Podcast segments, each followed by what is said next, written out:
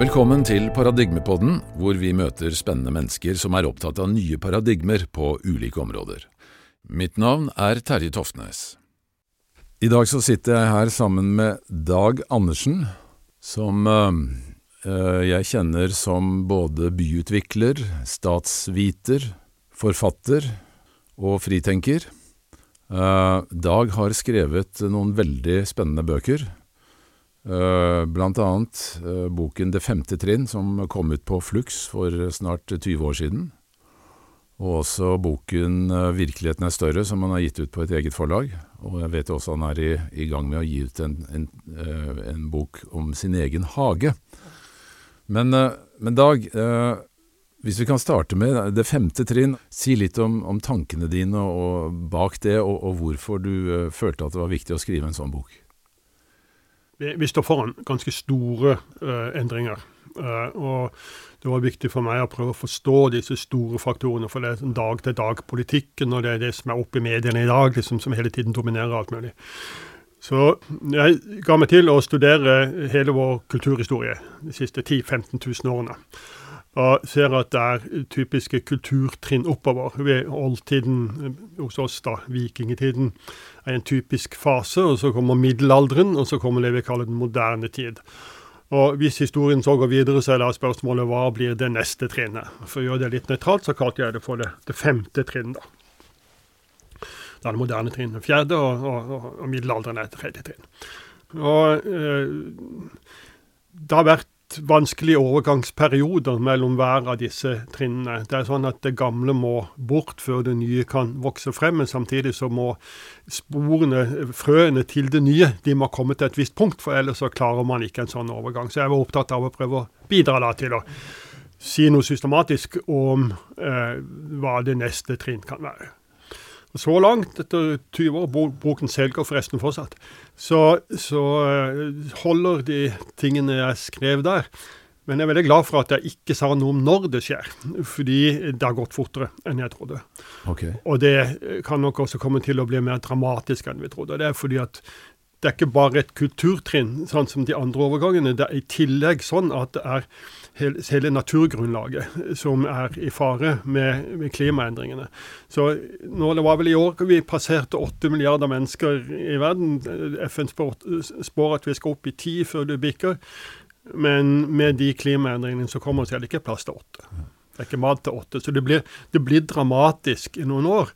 Så den overgangen kan bli annerledes. Men da er det viktig at noen tenker på hva skal det nye bli? Hva, hva kan det neste bli, hvis historien går videre? Ikke sant. Men uh, bare for å gå litt tilbake først, også for de som ikke kjenner boken din. Uh, hva er disse forskjellige trinnene, hvis du kort skal beskrive dem?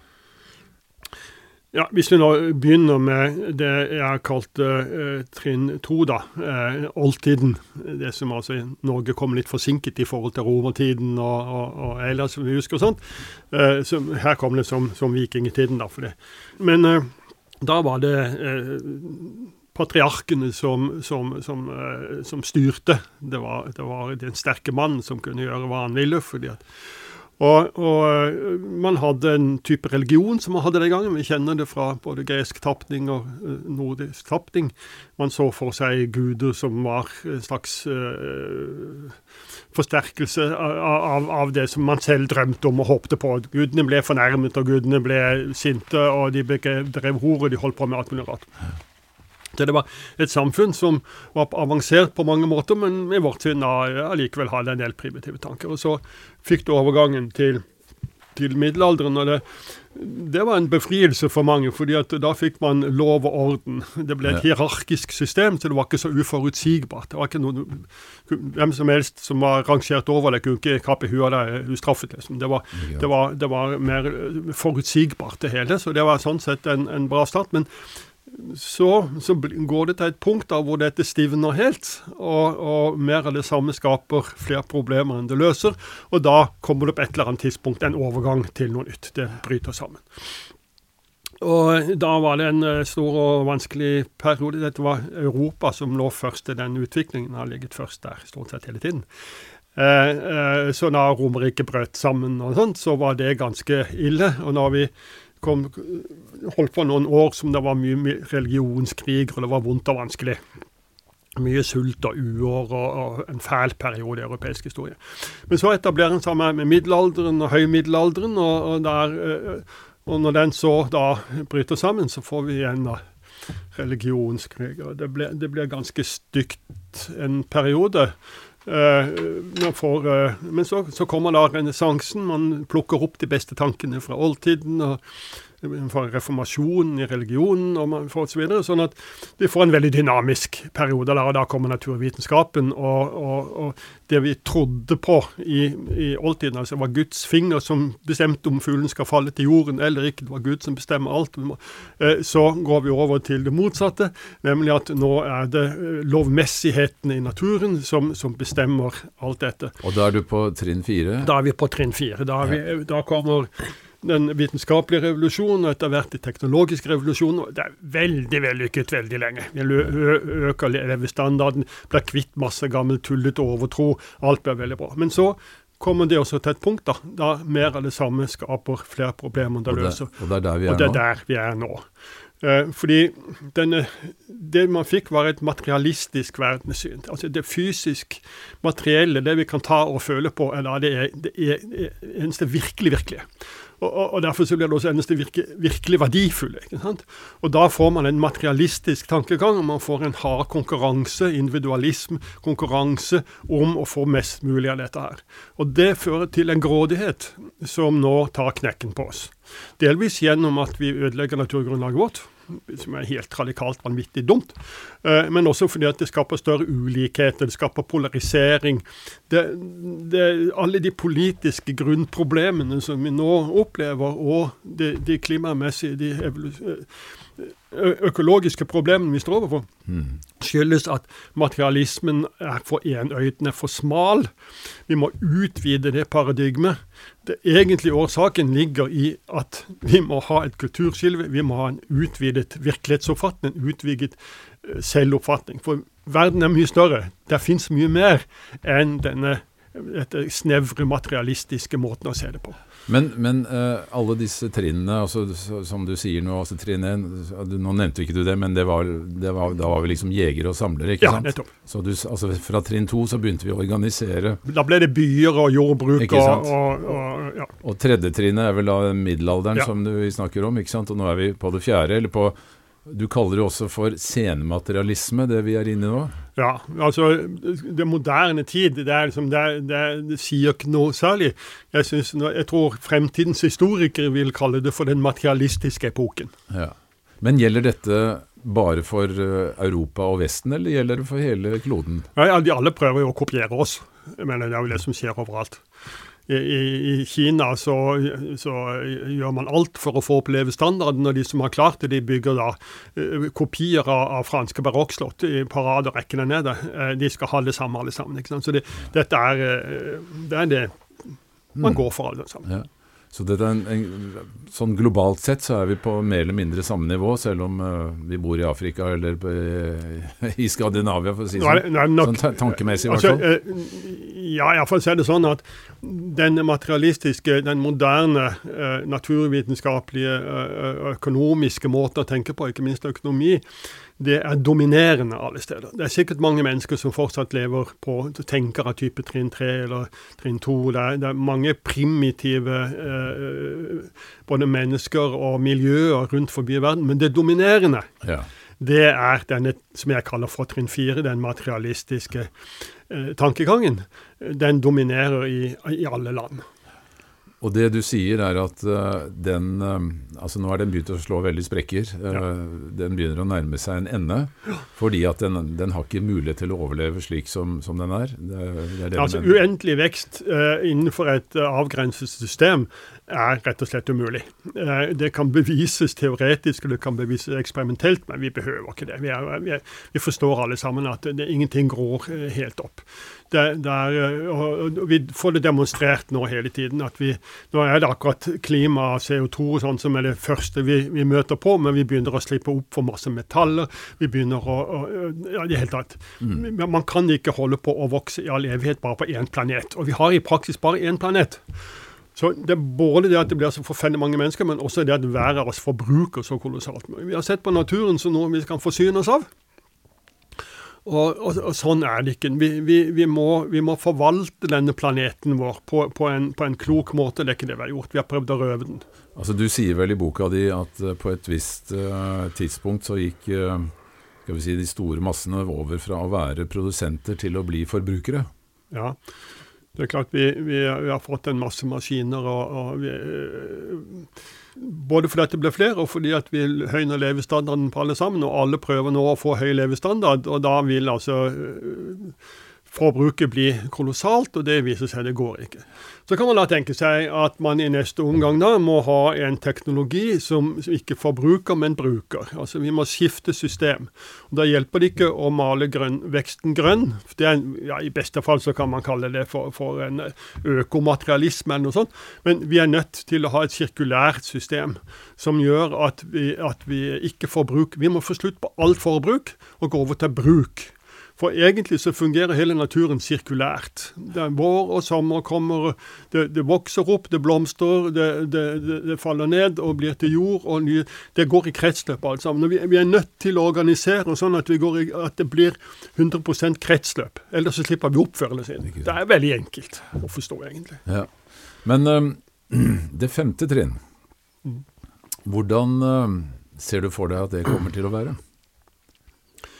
Altså Rent sånn teknisk, fysisk, så er det som jeg sier at vi må ha, eh, det må være et sirkulært system. Ja. Vi må ha økologi, vi må slutte med økonomi. Økonomi, er en, økonomi finnes ikke fysisk. Økonomi er en lære en måte å tenke på, en måte å regne på. Så vi må gå over til økologi. Vi må få inn hele bildet, ikke bare den lille biten som kan, som kan kjøpes og selges. Så, så, det, det, har en masse ting ved seg. Og vi må ha en teknologi som passer til det. Og teknologisk utvikling peker i den retning, for smartere maskiner og sånt. Sånn at fra å være storindustri på samlebånd og, og, og, just in time, som vi har nå. Vi er avhengig av deler fra hele verden for å kunne sette sammen selv en liten maskin. Nå ser vi at det bryter sammen. Eh, så vi får smartere maskiner som ligner mer på en håndverker. Altså, mm. Sånn at man, man, lager det lokalt, det meste. og Man kan etter hvert få materialteknologi så at du kan plukke opp det. Så Det er liksom den fysiske siden ved det. Men selve grunngreia det er å forstå at vi lever ikke bare på det fysiske plan, men vi lever i alle fall på Nettopp, tre plan. Det var, det var det jeg ville frem til. Der, der, er vi da omsider fremme med det som, som er mer kjernen i dette. Fordi ja. vi lever på tre plan, eller tre verdener, om du vil.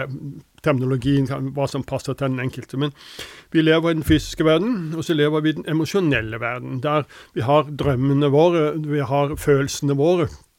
Det styrer veldig mye av det vi gjør. Det er helt avgjørende. styrer både politikken og, og, alt det vi holder på med. Styrt av det emosjonelle. Ja, så Du sier vel at det, det på en måte er, har vært drivkraften i hele evolusjonen, er den emosjonelle siden? Ja, iallfall i hele kulturtiden. Ja. Eh, så, så jeg vil ikke si at det er det når det gjelder dyrene, fordi de er programmert uh, litt mer enklere enn oss. Men, men det emosjonelle er historiens drivkraft. Mm. Det er det som får oss til å, til å bygge familier, eller, eller, eller å, å, splitte dem opp. Til å bygge imperier, eller rive dem ned. Det, det er eh, formuer eller ikke formuer. Står du på for å bli rik, eller gjør du ikke det? Det er, det er følelser, det er, det er energien, det emosjonelle energien i det er vel så viktig for hva som skjer sånn, som, som hva du har av utdannelse. Sånn. Har, har, du drivende, eller har du ikke drivende? Men, så, men altså, Unnskyld at jeg avbryter, men i dette så ligger jo, altså i det emosjonelle så ligger jo tydeligvis et veldig stort behov for, for vekst hele tiden. Ja. Betyr det at vekst er en, altså en nedfelt egenskap fra naturens side? altså At det er på en måte en, en ibo, et iboende konsept for hele utviklingen av uh, universet, liksom? Nei, ikke vekst. Utvikling. Utvikling? Ok. Det er, det, det, det er helt avgjørende forskjell. Altså vi, det er veldig viktig for samfunnsutviklingen at vi, og for, vårs, for hvert enkelt liv at vi utvikler oss emosjonelt. At vi utvikler våre ferdigheter på det emosjonelle plan.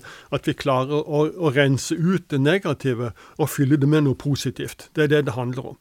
Det, det, den emosjonelle verden, lovmessigheten der, er, er, er, eh, veldig tydelig. Det er sånn at Jo mer du hater, dess mer fylles du med hat. Jo mer du elsker, dess mer fylles du med kjærlighet.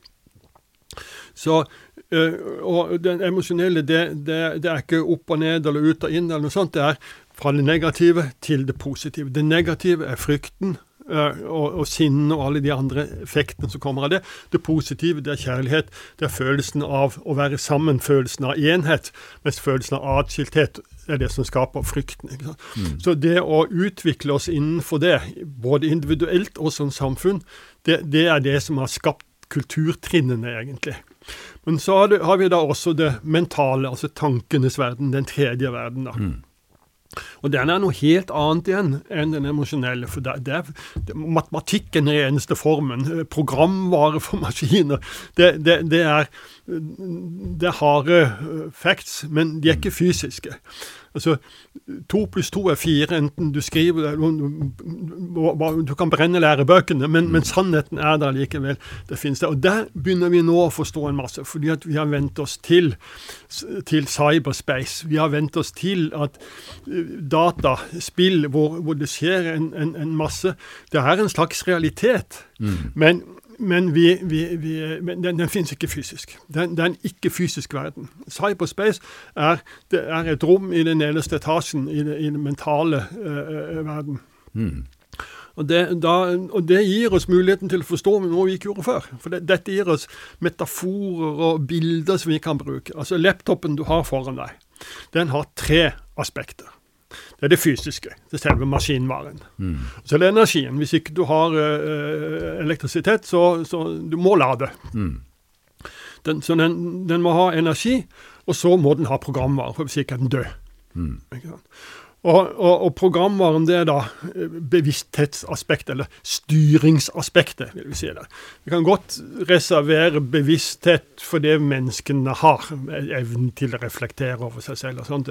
Vi liker å være litt bedre enn alle mulige andre, men, men, det er et sånt styringsaspekt. Også i alle systemer som kan forholde seg til omgivelsene på et eller annet vis, så må det være et styringssystem. Hver enkelt celle i kroppen din har det, er litt selvstyrt. Uh, og så inngår den i større sammenhenger. og Sånn, sånn er det med oss også. Uh, ja, altså Dette syns jeg er eh, en utrolig fascinerende måte å uh, skal vi si, analysere samtiden på. Og hvilke tegn er det som peker i retning av at vi er på vei inn i det femte? Du har selvfølgelig nevnt en, en rekke ting nå, men nå tenker jeg mer på altså disse anomaliene. Altså F.eks. er det er det nye ting innenfor vitenskapen som tidligere hadde vært helt utelukket, som vi nå ser, som kan øh, åpne disse dørene inn mot en, en, en mer større forståelse av både det emosjonelle og ikke minst også da dette fenomenet bevissthet? Den store revolusjonen her kom egentlig Gjennombruddet kom egentlig for lenge siden, med, med, med Niels Bohr og Albert Einstein og disse gutta, som altså oppdaget at, det material, at denne materialistiske paradigmet, det holdt ikke. Mm. Fordi det, det, er et bevissthetselement eh, som gjør om det blir partikkel eller bølge når du holder på med atomforskning. Og de, de, ble helt eh, De hadde lange, vanskelige samtaler, for de hadde oppdaget en verden som var, var absurd fysikk. Og de, de, klarte ikke helt å løse det. Einstein brukte de siste 25 årene av sitt liv på å prøve å komme gjennom det der, men tiden var ikke moden. Han hadde ikke det som, de metaforene og den teknologien som skulle til for å forstå det den gangen. Men nå vet vi at det er ikke absurd fysikk, for det er verken absurd eller fysikk. Det, det, det er sånn at det eneste som fins fysisk, det er, det, er eh, det som fins akkurat i nuet. Altså Fortiden fins ikke fysisk. Fremtiden fins ikke fysisk. Mm. Men på det mentale plan så finnes fortiden som informasjon. Vi har informasjon. Vi vet om romertiden. Mm. Det, det, eneste som fys fysisk, er noen, er noen ruiner. Men, men romerne er ikke der. Men informasjonen finnes. Og fremtiden den finnes som alternative, mulige fremtider. Mer og mindre sannsynlige fremtider. Mm. Men det det eneste som fins eh, eh, fysisk, er det som er i nuet. Så kan det nuet være litt større eller mindre, altså for noe endrer seg raskere enn en andre ting. Men det er i nuet. Og, og, eh, det som disse fysikerne da eh, nå har forstått, iallfall de fremste av dem, det er at denne kvanten da, som de kan måle, kan bli enten det ene eller det andre. Den, den, den, eh, den fins ikke fysisk den fins på det mentale plan. Det, det, en, en, det fins muligheter. Den kan bli enten det ene eller det andre, men den er ikke det enda, for den er ennå ikke manifestert i det fysiske. Mm. Og det er det bevissthetselement som gjør om den blir det ene eller det andre. Det var egentlig det store gjennombruddet. Mm. Nå er det veldig mange som er opptatt av å påvirke den fysiske verden med tanken. Man manifesterer ting. og Det er ikke måte på hva som nå kalles for manifestering. og Noen tror på det ene, noen tror på det andre, og ingen har forstått egentlig helt hva det er, eh, er mitt inntrykk. Men, men det er egentlig dette paradigmet jeg beskriver, så er det egentlig ganske enkelt, altså. Men altså, dette med bevissthet eh, Det virker jo så enkelt, fordi alle vet jo at de har en bevissthet. Men igjen, eh, når du ser på hele evolusjonen, så virker det jo som det har vært en retning. Altså, og sånn som vitens, eh, naturvitenskapen fremstiller verden, så sier den at den er egentlig bare skapt av tilfeldigheter. Darwins teori sier også at det er et tilfeldig utvalg. Sånn at, og det igjen, hvis du skulle trekke den linjen, så kan du si at da har egentlig ikke livet noe spesiell mening. Mm. Bortsett fra at det bare er, liksom. Ja. Men med en gang du innfører et element som bevissthet, så, uh, så får plutselig eh, får du et helt annet momentum da, i hele evolusjonen. Uh, og er det det vi er i ferd med å oppdage? At det er altså en slags si, kosmisk intelligens da, som ligger bak og trykker på, og som utvikler seg gjennom det livet vi lever? Er, er det sånn du ser det? Ja, jeg håper jo at det er sånn uh, vi er i ferd med å forstå det. For jeg er helt sikker på at vi må tenke i de baner da, for å forstå dette. Altså Alt har tre aspekter, som vi var inne på. Det fysiske, det materieaspektet. Mm. altså Enten det er fysisk materie eller emosjonell eller, eller eh, mental materie. Så, så altså data, drømmer, eh, fysiske gjenstander har materie. Alt har et energiaspekt, og alt har et bevissthetsaspekt. De tre tingene henger sammen. Du kan ikke komme eh, alle, alle systemer som, som kan forholde seg til omgivelsene, har et element av styring, av bevissthet, et eller annet, en eller annen grad av, av dette. Det kan være veldig primitivt, eller det kan være så avansert som, som menneskene, eller kanskje noe som kan være vesentlig mer avansert enn menneskene. Men iallfall så er det et bevissthetselement. Og når du ser på hele evolusjonen, så ser vi at den har en klar utviklingsretning. Den går fra det ubevisste, det ubevisst helhet, enhet, via individualitet, der er vi nå, og til bevisst enhet. Og Den mer og mer kompliserte systemer, mer og mer uh, frihet på det fysiske plan, evne til å bevege seg. I forhold til, til øh, planter så er vi vesentlig mer bevegelige. Men alle har dette elementet. Vi er på vei til noe. Så uh, evolusjonen har en retning. Og da er det klart at det betyr også at vi har en retning som er en del av den evolusjonen, alle sammen. Det store bildet viser hva det lille bildet er. At Helheten er i delen. Så, så livet har en mening på den måten. Det som gjør det vanskelig, er selvfølgelig at vi bare har noen få år her som vi er klar over. Og Da er man inn på dette med reinkarnasjon og sånt som et annet tema. Men, men bevissthetens utvikling fra det enkle til det mer sammensatte og bevisste, det er retningen. Og vi gjennomlever den, hver enkelt av oss, fra vi vokser opp, fra vi blir født, gjennom ungdom og, og, og, og voksen alder. Eh, Så, så, opplever, så repeterer vi hele denne utviklingen her. Vi ser, ser, ser det i fosterutviklingen også, at vi på en Ja. måte har gått helt fra altså, Ja, du ser, altså, Der finnes fantastiske bildeserier som viser at vi som, som ganske liten så foster så er du veldig lik en fisk. ikke sant? Mm, Det er liksom ikke helt forlatt vannet ennå, kommet på jorden. og sånn. Det, så vi, vi gjennomlever den biologiske evolusjonen eh, i fosterstadiet, og så gjennomlever vi den kulturelle eh, historien uh, frem til vi blir voksne. Og da er vi på det kulturtrinnet som den kulturen vi er i, dominerende er. Og så får vi da håpe at kulturen kommer videre, sånn at hver enkelt også kan komme lenger i fremtiden. Men altså det å, anerkjenne at vi også uh, lever i en ikke-fysisk virkelighet, Ja. eh, det er noe det, som du har skrevet mye om da i denne boken 'Virkeligheten er større'. ikke sant? Men uh, tror du det vil være helt avgjørende for å bringe oss opp på dette, eller inn i dette femte trinnet? Altså er hele verden nødt til å forstå at vi f.eks. Uh, overlever døden? Nei, det tror jeg ikke. Men det, det, den dominerende eh, eh, forståelsen Alle bør ikke være med. Men den dominerende forståelsen må gå ut over at det fysiske er det eneste virkelige. Vi må komme ut av denne økonomitenkningen. Det er ikke mulig hvis ikke det er økonomisk mulig. Så, og markedsloven er nå like fantastisk uh, hellig som, som, Guds lov var i middelalderen. Altså, alle må jo bøye seg for den. ikke Så etter hvert så skjønner vi at det, det, det, er, det er, ikke sånn.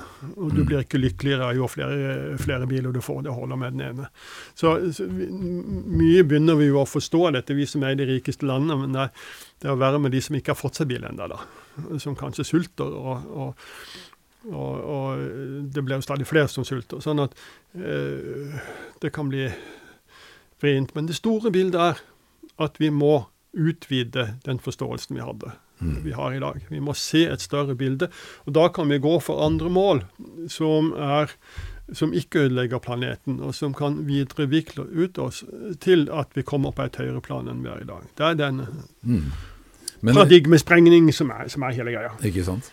Men uh, jeg er litt opptatt av, av, dette med Igjen tilbake til dette med bevissthet. Um, som uh, i hvert fall veldig mye ny forskning peker på altså er et grunnleggende element da i hele eksistensen. Ja. At ikke det bare er et, eh, skal vi si, et sluttprodukt av, eh, av Biprodukt av, av ting som foregår igjen. ikke sant? Mm. Um, det er faktisk omvendt. Ja, ikke sant. Altså hvis vi, hvis vi aksepterer det, altså hvis vi, vitenskapen kan fortelle oss at det virkelig er sånn, så er jo det altså et eh, helt monumentalt historisk paradigmeskifte. Ja. Fordi da ser vi oss, som du også veldig fint beskriver, da ser vi oss altså plutselig inn i en mye større virkelighet Altså, altså, det du også kaller for en holistisk uh, virkelighetsforståelse. ikke sant? Mm. Sånn at uh, På det fysiske planet så vil jo det føre til mange endringer. altså som det At vi får mer respekt for naturen, at vi skjønner at vi har begrenset med ressurser, at vi må innordne oss på en helt annen måte for å kunne klare å overleve på planeten. Men det betyr jo også noe i, altså i det å være menneske, relasjon mellom mennesker. Uh, og det skriver du en god del om i disse bøkene. Kan du si litt om hvordan, altså hvordan vil det være å leve i et sånt samfunn, da, hvis du har en helt klar forståelse av at dette er bare en, et, en mellomstasjon på vei til noe annet, f.eks.? Ja, altså jeg, jeg, tror uh, hvis vi får økt den emosjonelle kompetansen vår Den er skremmende liten. Mm. Eh, så, eh, så, vil det bli veldig mye bedre å være menneske. Og ikke sagt med medmenneske, mellommenneskelige relasjoner vil jo få en helt annen, annen eh, glede. I dag, Vi lever i Norge, det mest avanserte landet i verden. Eller et av de mest avanserte. Jeg hørte nettopp på radioen i dag at Norge var kåret til verdens nest beste land å leve i. Sveits ligger foran oss. Ja, men det er fordi at, at hotellene er for dyre i Norge. Så det er liksom hvordan du regner på det der. Men, men vi, vi, er, vi, er, et veldig avansert samfunn, men det vi har blitt best på, det er å, å forhindre frykt.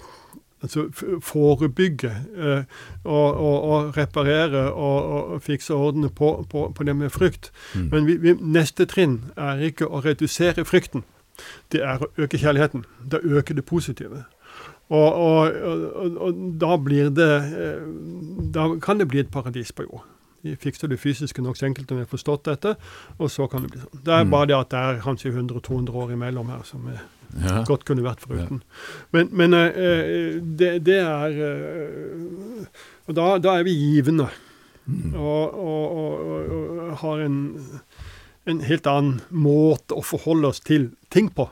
Det, dette kan trenes opp, dette kan man, man, lære seg, men det er vanskelig selvfølgelig når man står overfor en Putin mm. eller et eller annet, og, praktisere ja, hva, hva, hvordan, hvordan, tolker du det som skjer nå da i, i Europa i, i, øyeblikket? Er dette et, eh, en, en, del av en naturlig prosess, eller er det hva, hva vil du si? Ja, altså, Denne krigen i Ukraina den, den, hører jo hjemme tidligere i historien. Altså det, er vi tilbake på middelalderen omtrent? Nei, vi er tilbake til første verdenskrig, sier militærteoretikerne. Det ser litt, kanskje litt annen verdenskrig også. Men dette er jo, dette er jo eh, militær eh, angrepskrig for å, ut, for å, øke arealet sitt. Jeg mener, Vi trodde vi var ferdig med det for lenge siden. Herregud, det, det, er jo så dumt at det ikke tar hold ut. Men, men uh, selvødeleggende for, for Putin og for Russland. Men, men det er nok et også et tegn på en tid hvor, hvor, hvor mye nå er i ferd med å bryte sammen. Og, og, effekten av denne krigen er jo at just in time-systemet, at den globaliserte økonomien viser seg å, å ikke holde så I løpet av vinteren så vil vi slippe opp for ganske mye. Vi har tenkt i Norge at vi har så mye penger så vi kan bare kjøpe det, men hvis ikke det er noe å få kjøpt, så, så, så, står vi der. ikke sant? Vi risikerer strømrasjonering i Norge, det er jo helt vanvittig. Men det er noe som er i ferd med å, å, å, bryte sammen. Vi, vi, vi, mange av oss begynte å tenke og skrive om at i i 2016 så kom vi inn i usikkerhetens tid. Da ble Trump valgt. ikke sant? Kanskje er det 2024 hvor vi kommer for alvor inn i fryktens tid. Og Da er vi inne i overgangen hvor trinn fire bryter sammen. Og Det ser ikke pent ut. Det ser aldri pent ut når, når vi bryter sammen. Men det er ikke sånn at det nye som vinner over det gamle, det er sånn at det, gamle som råtner på rot, og så gir det plass for det nye til å vokse opp. Sånn er det i skogen, og sånn, og sånn er det i naturen. Så vi må gjennom en sånn nedgangsperiode. Problemet er jo at det blir for lite mat. Og, Men du mener at denne, ja. altså dette, denne krigen da, og visjonene til Putin er en del av denne skal vi si, forvirringens tid, som du også kaller det? eller... Ja som det er en, en, et nødvendig onde for å komme videre? Kan du ja, se på sånn? Jeg, klarer ikke å si at det er et nødvendig onde. Jeg klarer ikke å si det. Jeg syns det er en absurditet. Men, men, men at, at, eh, at, økologien, at, at klimaet, eh, at et eller annet fysisk vil jo måtte stoppe oss når vi driver rovdrift på naturen i den målestokk som vi gjør. Ja. Og så Vi er inne i det som, som geologene kaller antropoken, altså den geologiske perioden da menneskenes påvirkning på planeten er så stor at det ble en egen geologisk eh, periode. ikke sant? Det, ja. Den startet omtrent da jeg ble født, så det, det er nokså ferskt. Men, men, men, men, det er... På 50-tallet omtrent? Ja, ja mange er 1950 eller sånn. Ja.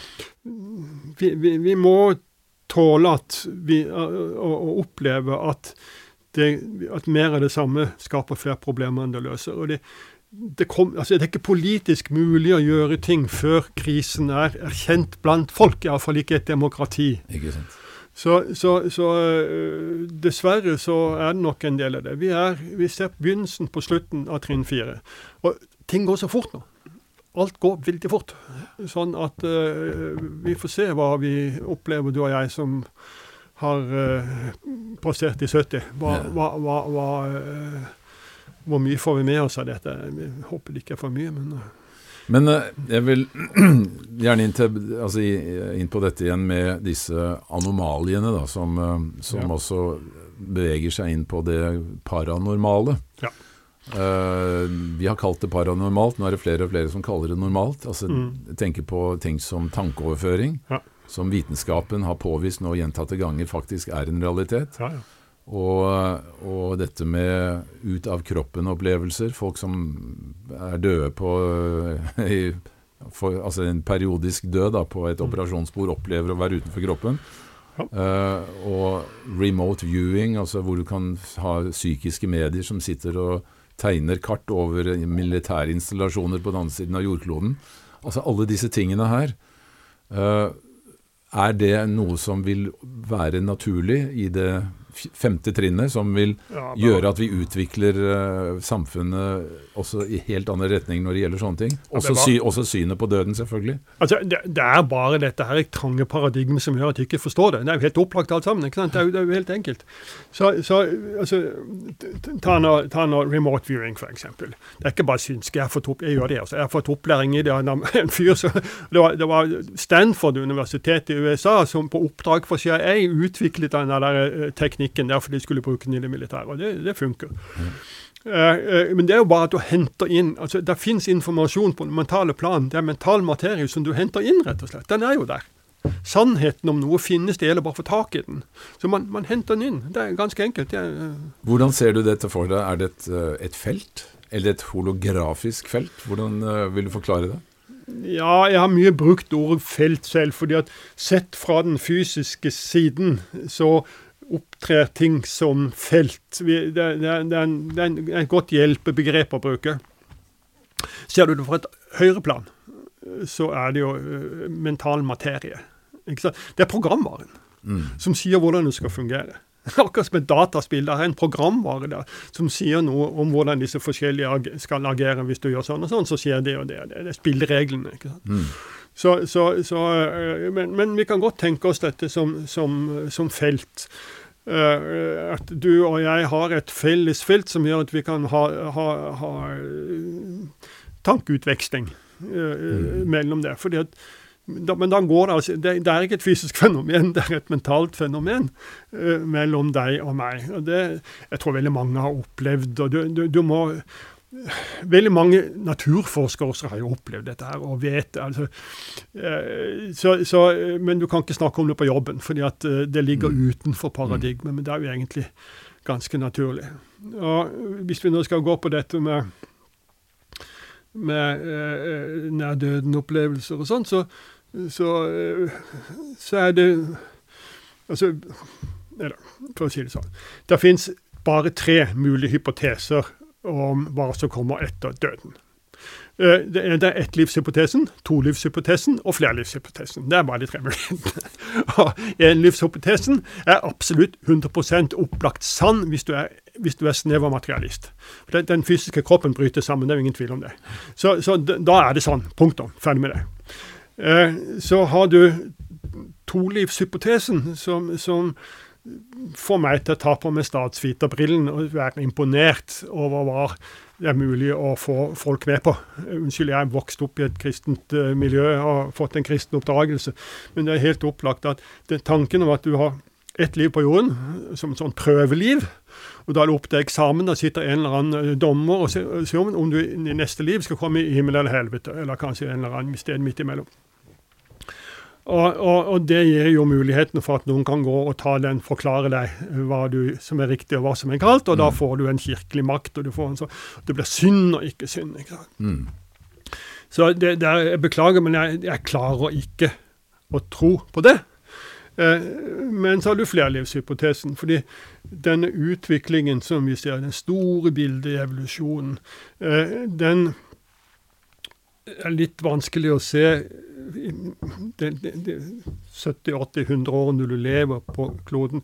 Hva, hva skjer så? Liksom? Men hvis vi, som mange av oss etter hvert mener har opplevelser nok til å vite sant, at vi har alle evig liv.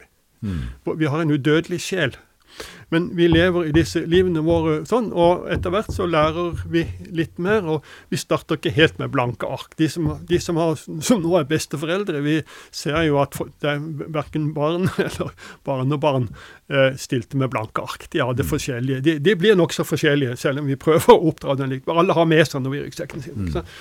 Så, så, så, eh, så, og dette er helt naturlig å tenke hvis man opererer med flere planer. Flere. Vi kan godt tenke oss flere plan. Jeg kan meget vel tenke meg det. Du kan kalle det for et åndelig plan, eller uh, andre uh, Det finnes dem som har sagt at det er veldig mange plan.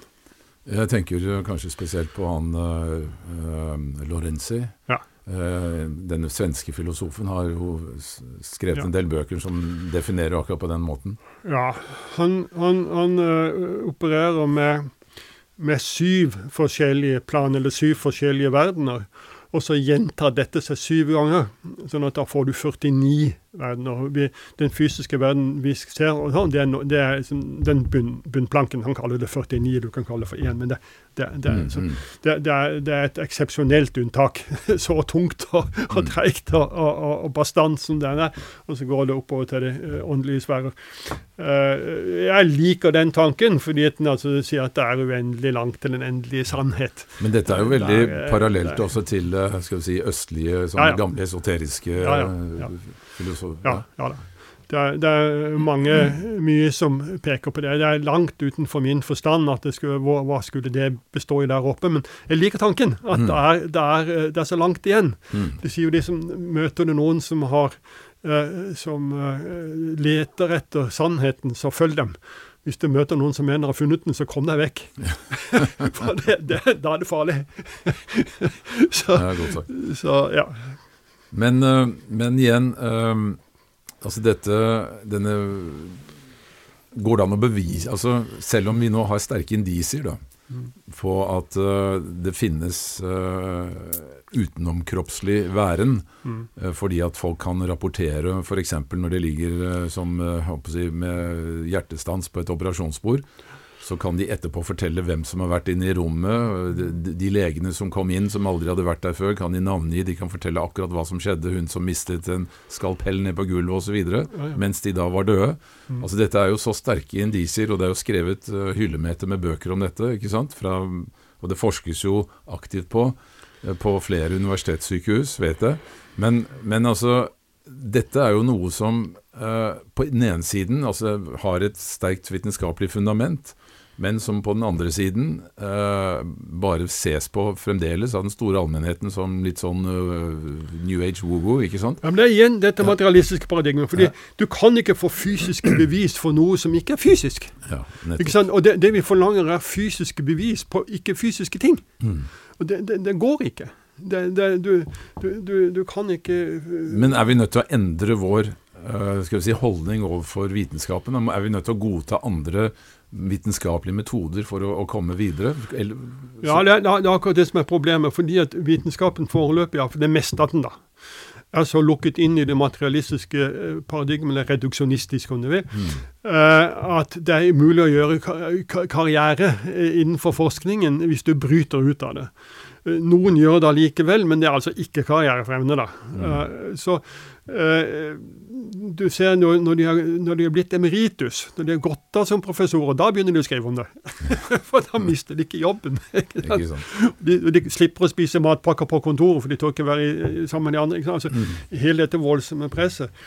Men, men uh, så fort det kan glippe litt, mm. så, så, vil vi jo få, kunne få forskning og, og, og, filosofi og ting, hele apparatet som får med denne bredden. Og Da kan det komme til å gå fort, for det finnes mye av det fra gammelt av. og det mye, eh, så, så, Men samtidig så kreves det jo at man utvikler seg individuelt også for å kunne komme inn i dette. Det kreves meditativ praksis osv. Du, du, du må kunne For å observere på en skal vi si, vitenskapelig måte, ditt eget emosjonelle, ditt eget mentale, så må du kunne gå innover og, og, og, og bli kjent med det. ikke sant? Mm. Og så må man utvikle seg, så kan man faktisk også lese andres tanker og andre ting på en helt annen måte og studere det et objektivt. Men da, det krever også en utdannelse. Dagens forskningsutdannelse går ut på å lukke det. Ja. det er det motsatte av å åpne dette. Så, så, men vi trenger det fordi det er forferdelig mye rare meninger. Og, og, og, og, fordi at folk ikke kan skjelne mellom det fysiske, det emosjonelle og det mentale, så tar de det emosjonelle for gitt. Altså du, du, når du har opplevelser av tidligere liv, så er det en reell opplevelse på samme måte som en film er en reell, eller en drøm er en reell opplevelse. Det er en opplevelse. Det er mm. som, og, og, og den opplevelsen er som opplevelse eh, riktig og sann. Eh, men du kan jo ikke vite om det er ditt tidligere liv, eller om det er en annens tidligere liv, eller om hva, hva, hva, er det slags materiale du får inn. Altså Det er påfallende mange som hevder at de har vært Kleopatra i tidligere ja, liv, f.eks. Ja, og Napoleon og sånne. Det, det, det, er mye sånn, ikke sant? Så det, det, er stoff som er der ute i den emosjonelle verden, og som mm. materie som er der, som, som man kan importere. Ikke sant? Og, og jo flere som, som, besøker det nettstedet, der, om du vil, dess mer tilgjengelig er det. Derfor blir det mange av de der. der. Og Er du litt sånn eh, stor på det, så vil jo gjerne, en mann gjerne være Napoleon eller noe annet. Mm. Det er ikke akkurat det jeg hadde ønsket meg, men, men, men jeg skjønner at det er en uh, interessant figur og liksom har vært i et tidligere liv. da. Så, men, men, det er emosjonelt materiale vi kan hente inn. Og det, det, er viktig å lære seg til hva var. Ikke tro på hva som helst, men forstå mm. mm. hva dette faktisk er. Forstå det som er utenfor det fysiske. Innsikt i det. Mm. Eh, det er mange forskningsmiljøer nå som er veldig opptatt av dette, vet jeg. Det, ja, ja. Og, men igjen, som du, du, sier vel i boka di, eller du siterer vel kanskje Max Planck, som sa at uh, for at verden skal gå fremover innenfor disse områdene, så må man ta en begravelse av gangen når det gjelder ja. professorer som sitter på Ja, han som sier det at eh, det det er, ikke sannheten som vinner, det er motstanderne som dør. Ja, det var det det var. Ja. Eller i alle fall går av på pensjon.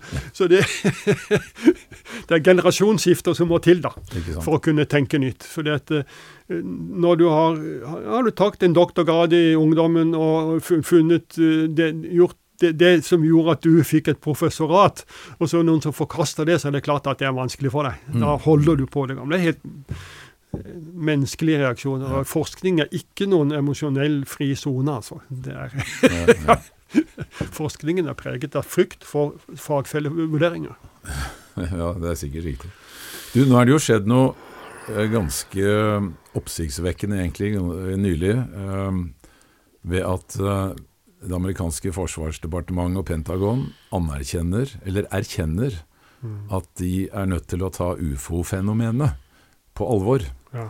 Dette skjedde jo uh, for kort tid tilbake, etter at det ble offentliggjort en del uh, filmer fra, fra, Pentagon som viser at uh, man har på radar klart å dokumentere, også visuelt og på film, objekter som, som, beveger seg altså langt på en måte som er, ikke er mulig ved de kjente naturkreftene. altså F.eks. at de starter fra null til og øyeblikkelig er oppe i 30 000 km i timen.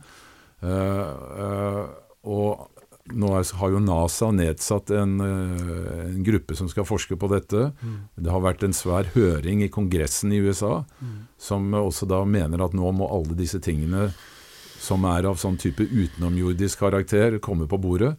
Hva tror du Og dette er et faktum. altså Dette er liksom ikke lenger bare gærninger som tror på ufoer. Nå har også Pentagon begynt å ta det på alvor. Hva tror du det kan bety liksom når det gjelder å akselerere dette, denne inngangen til det femte trinnet? Nei, det aner jeg ikke. Altså, jeg er jo mest opptatt av å si at dette er uidentifiserte. Vi mm. vet jo ikke hva det er. Ikke Påstå at det ikke finnes, det er sånn typisk. altså Det jeg ikke kan se, det kan ikke finnes. ikke men, men, men, men, hva det er eh, For nettopp som du sier, de følger altså ikke naturlovene. Mm. Og øh, ja, da, da, må jeg tilbake til den kvernen jeg holder på med hele tiden. Altså, hva, hva, hva er det som styrer det fysiske? Ikke sant? Hvis du ser nede, kan vi snakke om, om, om kraftfelt og, og, og, sånne ting. Vi, vi, vi snakker om, om, om tyngdeloven, f.eks. Og om, om eh, gravitasjonskraften. Men ingen har klart å måle Det fins ikke noen gravitasjonskraft. Det er bare noe vi sier. Det, det er en forklaring sett nedenifra. Men sett ovenifra, så er det programvare. Altså, det, det, regelen er sånn at det, at det, fungerer på den måten. Mm. Uh, så for å forstå noe som oppfører seg slik at det bryter de naturlovene vi kjenner her, til tross for at det altså befinner seg denne, ved denne planeten hvor disse naturlovene gjelder. Det kan godt tenkes til andre naturlover andre steder, men her er den iallfall sånn. Og så, og så bryter den. Da må du forstå noe om at dette styres da, ikke fysisk. Mm. Mm. Det, det, er noen som, som, har et bevissthetsnivå som kan gjøre noe med det, med det programvaren. med, med, de reglene. Kan, kan, mm. kan, kan, trikse med dem. Kan bruke dem på et annet måte. Og, og det er så langt utenfor det vi, vi eh, har kunnskaper om at jeg, jeg, jeg, jeg har en mistanke om at det relativt lenge vil stå som en sånn anomalie. Noe vi ikke forstår, rett og slett. For du må relativt langt frem for å. Klare å ta det, det Man kan si det sånn teoretisk som jeg sier nå, det kan være en teori som man legger seg på. Men, men så kommer vi ikke lenger. Mm. Fordi at vi, vi, vi, er ikke der ute at vi kan selv gjøre det, så vi kan vise at OK, det kan vi, det kan vi jo få til å gjøre. Mm. Men å gjøre det som et eksperiment, da må du ha en evne til å gjøre på det på en sånn høyere mentalplan, hvor vi ikke er. Ja. Så hvor mye det hjelper oss, det vet jeg ikke. Men det er, jo, det er jo interessant at man begynner å utvide alle sånne utvidelser og hva vi ser seriøst på, er jo viktig. Ja, det er jo kjempeviktig. Og det, altså dette fenomenet har jo mener jo mange har vært observert altså i, ja, ja. Alle, til alle tider, men man har bare feid under teppet fordi det har vært umulig å forklare. Og det har vært så mange implikasjoner, ikke sant. Men øh, øh, over til noe helt annet. Du har også skrevet en veldig vakker bok øh, om din egen hage. Og det har vært så heldig å få lese det manuset. Ehm, det var eh, Det som eh, slår meg, er at eh, denne undringen som, som, du sier du har når du sitter i hagen og ser på alle blomster og insekter, og føler at du er liksom en del av en mye, mye større helhet. Uh, forklar litt om, eller fortell litt om, om om dette hageprosjektet ditt, og, og, og, hva du kan oppleve der. Ja, altså jeg var jo en gang i tiden eh, byplanlegger og stedsutvikler og sånt. Og, og da sitter man med et kart og tar dette fra et par tusen meters høyde og sitter her skal veien gå, liksom. Ja, For du drev med byutvikling i, ja. i Oslo, ikke sant? Ja, ja. Det som et innby i sin tid? Ja, jeg var daglig leder i Institutt for byutvikling. Ja. Og, og, og, så, så, planlegging liksom, Jeg skulle kanskje vært arkitekt. Liksom, altså, var, var jo der. Og så så, så, oppdager jeg når jeg kommer i denne lille hageflekken min da, ute på hytta, at eh, jeg måtte bare forkaste alle disse planene jeg hadde hatt når jeg eh, lå våken om natten og drømte om hva jeg skulle gjøre til sommeren. ikke sant? Eh, fordi stedet har sin karakter, og jeg måtte utvikle det. Altså, det var fra at naturen er noe som du kan bruke, som du kan forbruke, Eh, til at naturen er noe du skal utvikle, noe man skal forsterke. Hva er de, for, for, de, de sterke elementene den lille plassen der, den lille plassen der? Hva, hva har dette stedet, uh, og, og hva, hva, kan jeg oppdage her? Og, og det uh, holdt jeg på med, men det var ikke så lett å være nøye på det. Men det ble et slags forskningsprosjekt, dette her hagegreiene mine. Og, og, for jeg hadde jo med meg den øh, holistiske tankegangen at helheten lever i delen. Alt er i alt. Det, det er en stor sammenheng her. Så, så jeg la fra meg planleggeren. Så, så, oppdaget jeg at for å få et mer presist uttrykk på dette, så brukte jeg søkevinkler. Eh, altså type ønskekvister, men søkevinkler er litt mer presist. Og, og, fant ut det var jeg kaller det for jordsjakraer eller andre. Det er ikke meg som har funnet på det. Eh, men at det er energifelter rundt forbi. Mm. Altså Gaia har også sine chakraer, sine Der overflaten på denne planeten har forskjellige karakterer. og da da eh, brukte jeg det til å, å, finne ut av, og så prøve å forsterke det. Uh, understreke uh, så, så, du kunne fysisk altså, klare å detektere disse ja, energiene ja. med, med altså, sånne søkevinkler? Altså, ja. Det er sånne metallpinner som du sånn Du holder en, en pinne sånn, sånn, så, så, svinger de. Og da kan de si, når du kommer til en sånn chakra, så sier den ja, her er den. Det er ja, nei, og litt sånn på retning. Så det var jo dette folk gjorde før når de skulle lete etter vann til brønnen, ikke sant? at de gikk med en sånn uh, ønskekvist. Så dette er jo ja, ja, ja altså, dette, dette, har vært stort lenge. De, de, de brukte det for, for, å finne metaller og gruver og sånt. ikke sant? Og, det er mange eksempler på det. Russerne faktisk brukte mer enn oss. De har brukt det fra helikopter for, for, å finne uh, Men det, altså, dette er jo veldig subtile energier, da. Som ikke, ja. altså, kan ikke måles med vanlige instrumenter. Nei, men det, at, men det, er, det er, fortsatt fysiske. Altså, det er fysiske ja. fenomener. Det, det, er ting, Allerede romerne snakket om stedets ånd. ikke sant? Altså, ja. Det er ikke forskjellige varianter. Så, så, det er fysiske fenomener. Men det at vi ikke kan måle det med elektroniske instrumenter, betyr ikke at det er noe magisk eller noe åndelig, eller noe sånt, men det, det er fysiske fenomener. Men, men, da, øh, men, men, det lærte meg noe om, om, om ydmykhet. Øh, og samtidig hva du kan få til hvis du jobber med naturen og ikke mot naturen.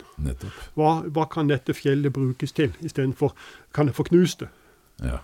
Kan jeg lage tunnel gjennom det? Hva, hva, kan jeg få det bort? Uh, det, det, det, er en annen måte. Og Sånn tenkte folk mye mer før. ikke sant? Mm. De, de, hadde mye nærmere forhold til det. Og etter hvert nå så behøver jeg ikke disse søkevinklene så mye. Jeg merker at det er, det er noe, Man får en sensitivitet i forhold til det. Og da syns jeg det blir et mye bedre sted å være mm. når, når man har brukt naturen uh, på, en, på, en, sånn måte. da. Men hvordan, altså når, som du beskrev, da du sitter og, og, og ser på planter og, og, insekter, og plutselig så føler du at du er ett med dem. Hvordan opplever du, Si litt mer om hvordan du opplever det. Det er det som er problemet. da, fordi Hvis man ikke har hatt et glimt av denne opplevelsen av enhet, så har man ikke noe å referere. Det som å si, farger for en som har vært blind hele livet. Det, det, det er vanskelig. Men, men, men, jeg tror mange nordmenn har hatt i forbindelse med natur. En sånn, sånn wow-opplevelse. Mange har det på fjellet. Jeg er et kystmenneske. Jeg kan få det når jeg har horisontlinjen der. Men, men jeg kan også få det ved å meditativt sitte rolig med en liten blomst, eller hva det skal være. Så, så, så, så går man inn i den meditativ tilstand som gjør at man får en kontakt med den enheten og opplever direkte enhet. Og Det er noe av det jeg tror man vil ha mer av på et femte trinn også. At Opplevelsen av at egentlig er vi alle ett. Det er en stor bevissthet. En stor, vi, vi med vår, Det vi lærer, det, det, vi klarer å utvikle oss, det er et lite bidrag til den store kollektive bevisstheten. For bevissthet er primært et kollektivt fenomen, ikke et individuelt. Det, tenk, mange tenker på hjernen som en datamaskin. Jeg tror det er mye lurere å tenke på den som en, en sender og mottaker. Vi mottar tanker. Hvor kommer tankene fra? Hvor går de hen? ikke sant? Så vi, vi er en del av helheten. og det vil anbefale alle å sette seg stille ned. Og, og, og ikke gruble, ikke tenke. Bare være. Mm. En, det enkleste en sommerdag i en hyggelig, vakker omgivelse, eller oppe på vidda, eller et eller annet. Ved kysten så er det så mange speedbåter. Så det Men igjen, altså det uh, Det å være en del av helheten betyr også vel at du er i stand til å påvirke helheten? Altså, jeg er jo veldig opptatt av en uh, fysiker som sier at uh, system, altså at vi lever i et, et, et slags sånn feedback-system. Altså hvor ting vokser ved at vi hele tiden Altså alt det du tenker og lærer, alt det du gjør, det er med på å bringe informasjon tilbake, som da gjør at systemet hele tiden utvikler seg. Ja. Uh, sånn at uh, dine Altså selv et enkeltmenneske kan være med på å påvirke utviklingen av helheten. Vi kan ikke la være. Alle, alle gjør det hele tiden. Altså, det er det som er utviklingen.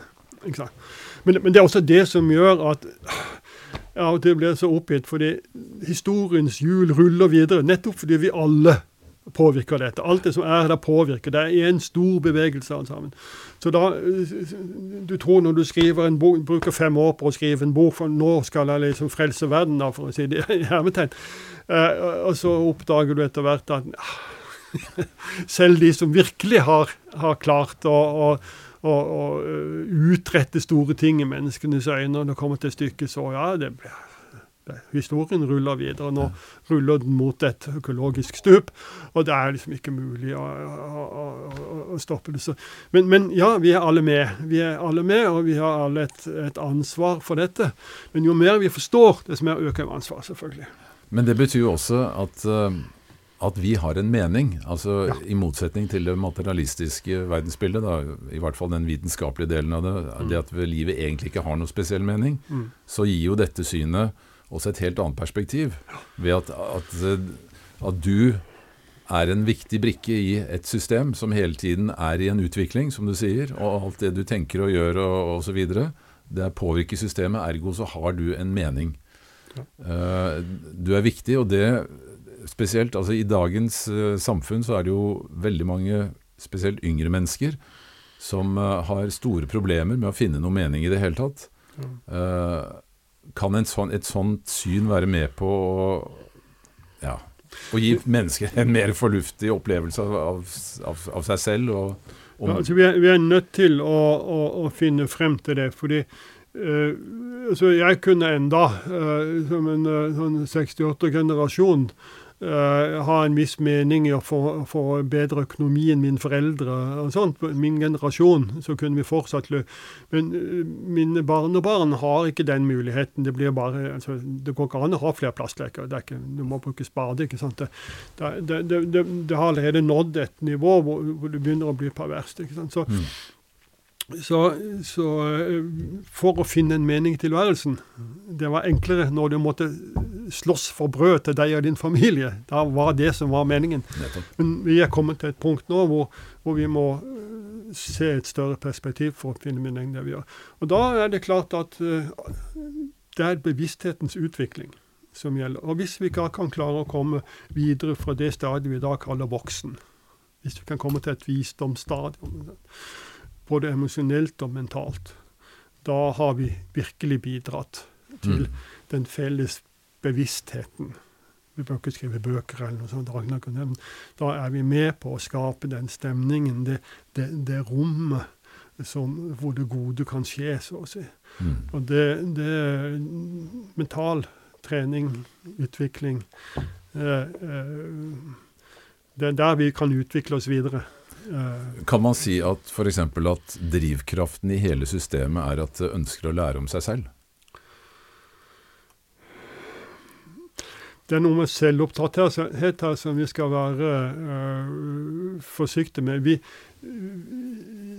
jeg er et instrument, kan du si, som min bevissthetskjerne, min udødelige sjel, for å si det som jeg er nokså sikker på at jeg uh, har nå denne kroppen, dette livet uh, her, og må gjøre det best mulig ut av det. Mm. men Dags posisjon oppi det hele sånt, det, det er det er ubetydelig for min udødelige sjel, som har gjort mye rart, og kommer til å gjøre mye rart, både større og mindre. Så vi, vi må liksom Den der egoismen eh, i forhold til det, den kroppen, eh, den posisjonen, den eh, økonomien jeg har i dag, eh, den, den, den, må vi liksom få tonet ned, da. Mm. Eh, så, for det, når helheten er en del, når jeg er en del av den store bevisstheten, så overskrider jeg egoismen, individualismen. Altså, jeg, jeg gir ikke avkall på noe.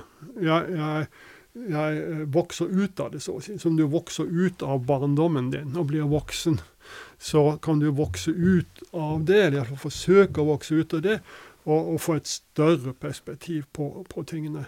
Og Det gir en fred, og det gir en, en mening.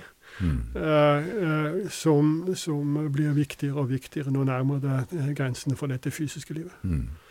Du, eh, du, er jo en voksen mann som har også passert inn 70. Men jeg har lyst til å bare avslutte med et spørsmål, Dag, for jeg må jo si dette har vært kjempeinteressant. Er du redd for å dø? Nei. Hvorfor ikke? Nei, fordi at jeg har, altså, jeg har en udødelig sjel. Jeg, jeg, du kan si at det er noe jeg tror. Ja, det er ikke så lett å finne fysisk bevis på det, men for meg opplever jeg det som en innsikt. Jeg har forstått hvordan dette fungerer. Det er sånn jeg opplever det. Og, og, og den opplevelsen eh, gjør jo at jeg, jeg er nysgjerrig på den neste, da. jeg må innrømme det. Så, så, det er nesten så passe fornøyd med dette her. Men det har vært behagelig. Altså, mener, vår generasjon i Norge har jo vært veldig heldig med valget av dette livet her. Men, men, men, men, eh, Ja, nei, det er litt der. Så det er nesten som når du sitter med, med billetten til sydenturen, så, så, blir det veldig spennende å se hva som skjer? Ja. Ja, nå er jeg jo bare 75 og rimelig frisk, så, så hvordan man eh, altså, Alderen tar jo sitt. da. Det er mulig at jeg også blir nostalgisk om noen år og må begynne med bleier og ligge på sykehjem. og Hvordan man da tenker, det skal ikke jeg ha sagt om. Men, men, men, som det er nå, ja. så, så uh, håper jeg at uh, min kone og jeg skal ha et godt liv i 10-15 år til. Men, men uh, nei, det er ikke noe er, Jeg er ikke redd for det. Fantastisk dag. Ehm, dette syns jeg har vært veldig, veldig inspirerende og innsiktsfullt. Og jeg håper også de som eventuelt hører på dette, syns det er spennende å høre på. Du er en mann med, som har gjort veldig mange erfaringer. Du har uh, hatt et veldig innholdsrikt liv på veldig mange måter. Så, så det er jo veldig, veldig moro å, å, kunne høre dine refleksjoner. Så jeg må bare si tusen, tusen takk. Takk for at vi kom. Ja.